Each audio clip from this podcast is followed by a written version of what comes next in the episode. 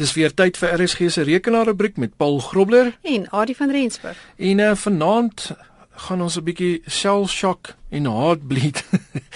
Ehm um, dit klink verskriklik die woorde, maar dit is darm nie heeltemal so wel dit is erg, maar dit is hopelik nie so erg dit hang af wie jy is ja, natuurlik. Ja, ek dink die woorde is erger as die die die wat dit eintlik doen. Ja. So die vraag verlede week was gewees watter effek het shell shock en heartbleed op my as gebruiker? Nou weer eens hang dit seker nou maar af van watter tipe gebruiker jy is. Ek mm. dink uh, heartbleed um, soos wat julle nou sal agterkom um, affekteer meer administrateurs. So as jy uh, in beheer is van 'n server moet jy dalk nader sit.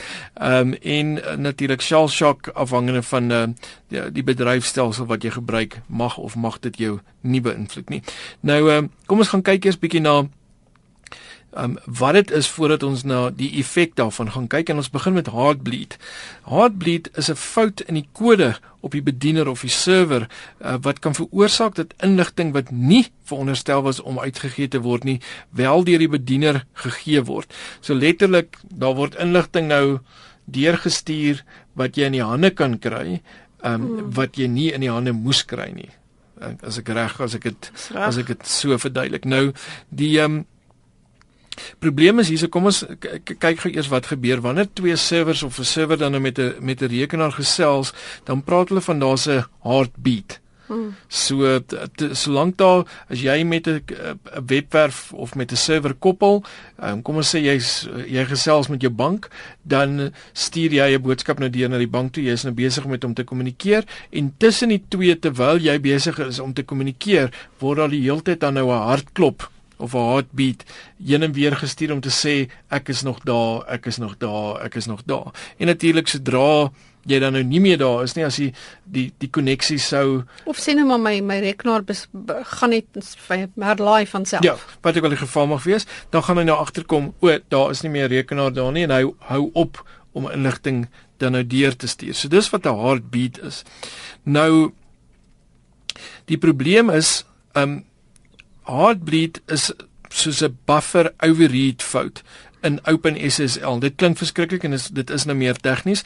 Ehm um, en dit val dan nou spesifiek onder die um, Transport Layer Security TLS protokol. Nou OpenSSL is 'n oopkode sagteware wat gebruik word om web uh, kommunikasie te enkripteer. So dit gaan alles oor die enkripsie van die data en die fout daartoe dat kuberkrakers geheime inligting kan bekom, soos jou kredietkaart besonderhede sonder dat hulle uitgevind word. Doeteenvoudig want hulle gebruik nou daai kan mens dit nou maar ja. vulnerability noem. Dit dit ja. is 'n dis 'n fout in die kode.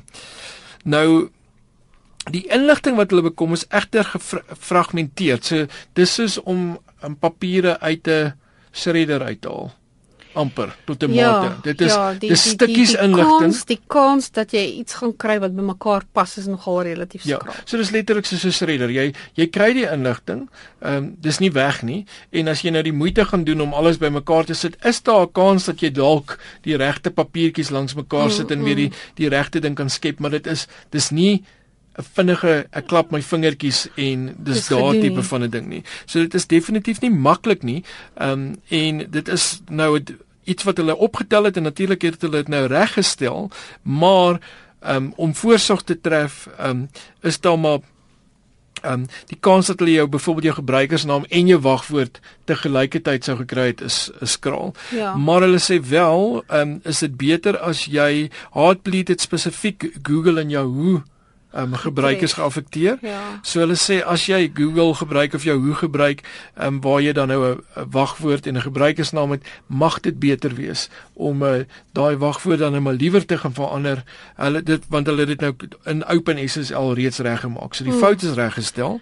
Ehm ja. um, so um, doen jouself 'n guns en gaan maak uh, verander daai wagwoord maar veral as jy Google en jou hoe gebruik en uh, beskerm maar jouself maar net ehm um, vir indien um, jy moontlik geaffekteer was deur dit.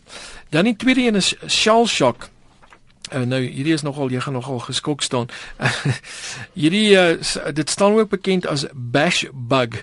Um, omdat dit voorkom in die command line shell genaamd bash wat jy tipies in Apple, Linux en Unix bedryfstelsels kan kry. So weer eens as jy uh, vir 'n slag as jy 'n Windows gebruiker is, hoef jy nou nie bekommerd te wees oor hierdie ene nie want shell shock gaan jou nie affekteer nie want Windows gebruik nie die bash command nie. Nou um, Shell shock is egter gevaarliker as heartbleed omdat dit kuberkrakers eh, meer skade kan doen. Um, en dit gaan nie net oor brokkies inligting uh, wat hulle kan kry soos met heartbleed nie.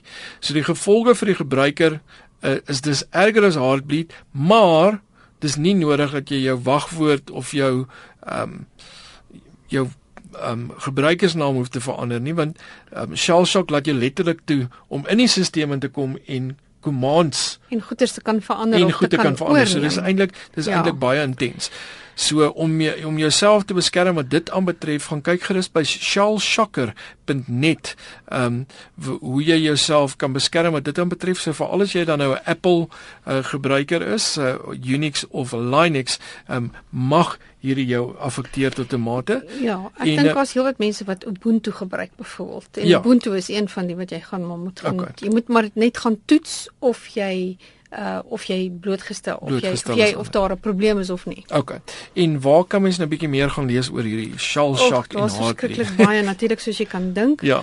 Daar's by gizmodo.com is daar 'n uh, is daar definitief 'n goeie webwerf dan lifehacker.com het nog een engadget.com ek dink amper al die webwerwe op internet het amper ietsie oor mm -hmm. dan uh dan staan grahamcluelev.com en dan se dan is daar natuurlik ook berigte mhm. ehm um, soos in koerante www.mirror.co.uk uh dan ook www.independent.co.uk en dan is daar ehm um, uh natuurlik die Shell Shocker mhm. -huh. wat jy van gepraat het shellshocker.net.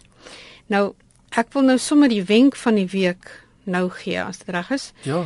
Want die wenk van die week is dan hoe gaan toets jy nou om te sien of jou Apple of Linux ehm um, toestelle ehm um, dalk blootgestel was aan hierdie probleem. Mhm. Ehm -huh. um, so jy gaan 'n basiese 'n command prompt moet gaan oopmaak en dan gaan jy die volgende lyntjie intik. Nou weer 'n keer ons sal maar hierdie Paul sal nou sê waar presies kan jy hierdie program gaan kry sodat jy dit sommer net kan soos in gaan kopieer. Nou jy tik in env soos vir environment, dan sit x is gelyk aan en dan is daar nou uh hakkies en krul hakkies en wat ook al ja, echo vulnerable uh en dan bash uh minus c en dan echo this is a test. So as jy dit as jy dan nou enter druk na daai lyntjie en jy sien die volgende vulnerable en this is a test dan weet jy dan daai vulnerable beteken jy het die bash program wat die probleem veroorsaak dan moet jy 'n opdatering vanaf jou verskaffer gaan laai uh mhm. -huh. en die stappe en alles is dan uitgesit by daai webwerf shellshocker.net. OK.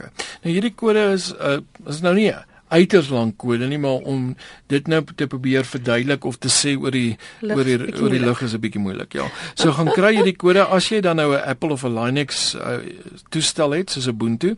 Ehm um, kry gerus hierdie kode by ons webwerf rsg.co.za onder Childhood by die RSG rekenaar rubriek. Ehm um, of jy kan ook natuurlik vir ons 'n e-pos stuur uh, hieroor so laat weet ons as jy vulnerable was of uh, as jy dalk iets opgetel het hier hier rondom is jy welkom om dit met ons te deel of 'n vraag te vra en stuur dit na rekenaar by rsg.co.za. En uh, dan uh, eh, Adi daar was nog 'n 'n webwerf gewees wat Johan weer vir ons ingestuur het. Ja. Hy het 'n webwerf ingestuur oor Microsoft se gratis programme in Windows Windows Essentials. So hy hy sê hy weet nie hoeveel mense daarvan weet nie. Mhm. So hy stuur dit aan. Ehm um, soos byvoorbeeld daar's foto gallery, daar's 'n geïntegreerde e-pos, live mail wat jy kan doen, daar's mhm. writer vir blog publisering en dan is daar ook nog sekuriteitsdienste. En gaan gaan gerus gaan gaan kyk gerus by windows.microsoft.com skynstreep. Ehm um, dan's dit ENZA skynstreep Windows koppelteken live uh, skynstreep essentials. Ek dink baie mense besef nie hoeveel ekstra programmetjies jy eintlik in 'n bedryfstelsel kry nie. Daar's natuurlik baie meer en met elke nuwe weergawe wat uitkom, kry jy nog meer. Maar net tyd vir 'n vraag, wat is 'n page file. Wat is 'n page file? Dis darem nie so erg as wat dit klink nie. Ons gesels volgende week daaroor van myself Paul Grobler en Adie van Rensburg. Lekker aand.